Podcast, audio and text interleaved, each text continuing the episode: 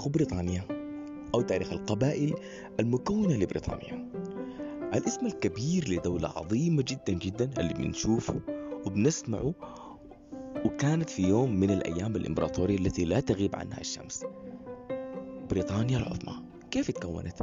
القبائل اللي كونت بريطانيا شنو؟ من وين جهت بريطانيا دي؟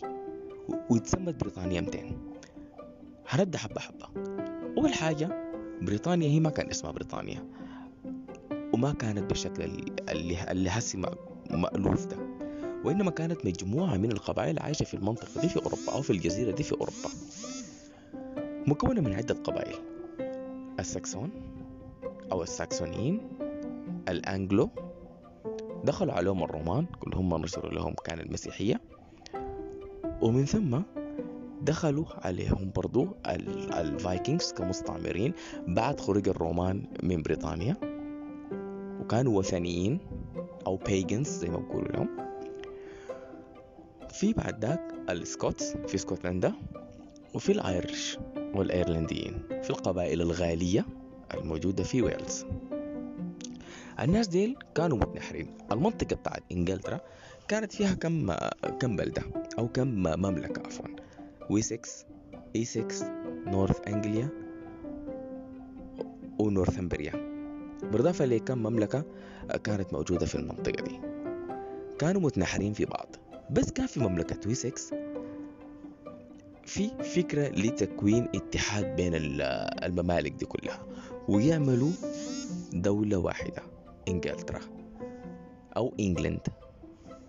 طيب الفكرة بتاعته الفكرة بتاعتهم دي نتجت بعد استعمار ال Vikings أو ال Danes اللي هم جو من الدنمارك واسكندنافيا عامة لبريطانيا أو لإنجلترا. واستعمروا اسكتلندا واستعمروا إيرلندا واستعمروا آه إنجلترا بسبب طبعا الطبيعة القاحلة شوية والباردة في بلدانهم.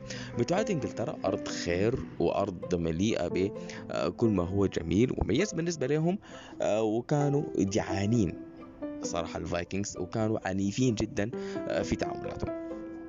دخولهم لبريطانيا بعد ذاك ودخولهم لإنجلترا اداهم ثروات كثيرة منها الفضة والقروش والزراعة وما إلى ذلك. وعذبوا الإنجليز بشكل كبير جدا جدا لحد ما قدروا إنه يطلعوهم من إنجلترا. وقدروا إنه يوحدوا كل الممالك دي في مملكة واحدة وهي إنجلند. وده اللي صوروا لنا واحد من المسلسلات التاريخية المميزة جدا جدا وهو مسلسل The Last Kingdom. المسلسل ده هو مكون من أربعة مواسم. قدر يوضح لنا في عام 1882 وما إلى ذلك كيف قدروا إنه يوحدوا إنجلترا وكيف قدروا إنه يطردوا الدنماركيين. ممكن تكون الشخصيات اللي في المسلسل هي خيالية مع بعض الأسماء الحقيقية وربطها بتاريخ المنطقة. فبيقوم إنه بيحكي لنا المسلسل كيف قدر إنه يطلعوا الدينز من إنجلند وكيف قدروا إنه يسيطروا على إنجلترا ويكونوا الحلم الإنجليزي اللي كان بيدعو له واحد من ملوك مملكة ويسكس اللي كانت عاصمتها وينشستر. حتى إنه لندن كانت مستعمرة من من من مستعمرات ال Vikings وكانوا عايشين فيها فساد وما كانت من المدن الكبيرة زي زي وينشستر ابدا. هي كانت مدينة في مملكة تانية. الحصل إنه تم توحيد الممالك وتكونت إنجلترا وظهر يلا بعد ذاك موجة من الأسر اللي حكمت إنجلترا. من أميز الأسر اللي حكمت إنجلترا بعد ذاك أسرة بلانتاجنت بلانتاجنت دي اللي هم انقسموا بعد ذاك لأسرة يورك ولانكاستر وظهر بعد ذاك عن طريقهم حرب الوردتين. استمرت سنين طويلة بين بين أسرة يورك وأسرة بلند أسرة لانكاستر اللي هم في الأصل أولاد عم. بعد ما انتهت الحرب أسرة تيودر اللي هي منبثقة من أسرة لانكاستر اتزوجت مع أسرة يورك أو المتبقيين من أسرة يورك بعد ما فازوا عليهم في الحرب. وأسسوا House تيودر اللي هو مسك برضو إنجلترا سنين عددا هنري السابع هنري الثامن ماري الدموية إليزابيث الأولى اللي انتهى في عهدها.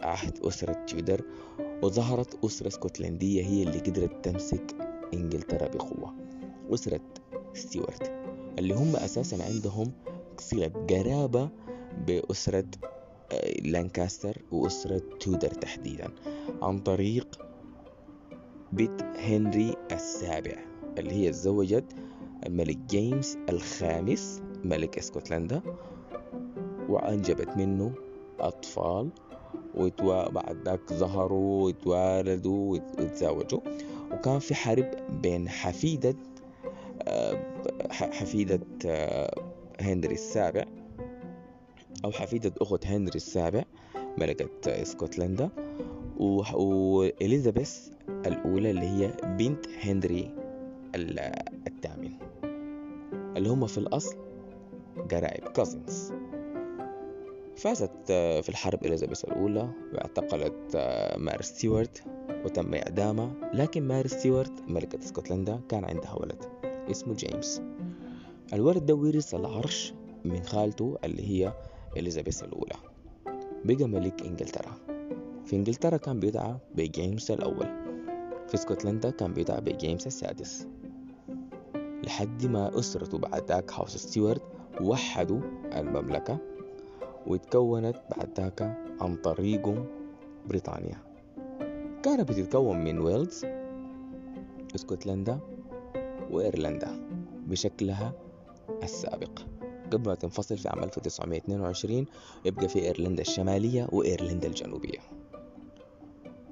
توالت بعد ذاك الأحداث وظهرت أسرة هانوفر اللي هم عندهم قرابة عن طريق الأمهات بأسرة ستيوارت. ذات الأصل الألماني. أسرة هانوفر هي الأسرة اللي أخرجت لنا الملكة فيكتوريا اللي هي الملكة ذات العصر العظيم أو العصر الفيكتوري وعصر الفتوحات والاستعمار الضخم جدا في إفريقيا وفي آسيا. الملكة فيكتوريا حكمت سنين طويلة تقريبا 60 سنة. تزوجت من الأمير ألبرت of ساكس كوبرغ غوتا هي إمارة في ألمانيا. أنجبت منه تسعة أبناء. الملكة فيكتوريا كانت بتعد من أعظم الملوك اللي حكموا حول العالم. وبتعد من أكثر الملكات اللي ولدت. وأبنائها بقوا وراث لممالك كثيرة جدا في أوروبا. منها آه، روسيا. قبل ما تحصل طبعا الثورة البلشفية في عام 1917 آه، منها ألمانيا. فيلهيم الثاني آخر أباطرة ألمانيا. كان حفيد الملكة فيكتوريا. قيصرة روسيا وملكة روسيا كانت حفيدة الملكة فيكتوريا. حتى قيصر آه، روسيا كان حفيد الملكة فيكتوريا. وسليل أسرة رومانوف طبعا. ملك النرويج حفيد الملكة فيكتوريا. ملكة الدنمارك حفيدة الملكة فيكتوريا السويد حفيد الملكة فيكتوريا آه، ملك بلجيكا هو حفيد الملكة فيكتوريا نفس القصة في اليونان آه، قبل الثورة اليونانية في الستينات والسبعينات كان حفيد الملكة فيكتوريا الملك باول الأول آه، الملك خوان كارلوس في أسبانيا حفيد الملكة فيكتوريا كلهم أحفاد بيرجع نسبهم لأسرة هانوفر. طيب الأسرة العظيمة دي أنتجت لنا عدد برضو من الملوك في بريطانيا. من ضمنهم جورج الخامس اللي هو جد الملكة إليزابيث الحالية جورج السادس أبو الملكة إليزابيث والملكة إليزابيث طبعا وإدوارد إدوارد. الثامن اللي هو ده اللي تنازل عن العرش عشان يتزوج آه، من السيدة الأمريكية المطلقة والا سيمسون. اتنازل عن العرش لأخوه. لولا تنازله على العرش الملكة إليزابيث ما كانت حتكون ملكة الآن. وبكده بنكون عرفنا بريف مختصر عن تاريخ بريطانيا العظمى وعن بعض الأسر اللي حكمت بريطانيا.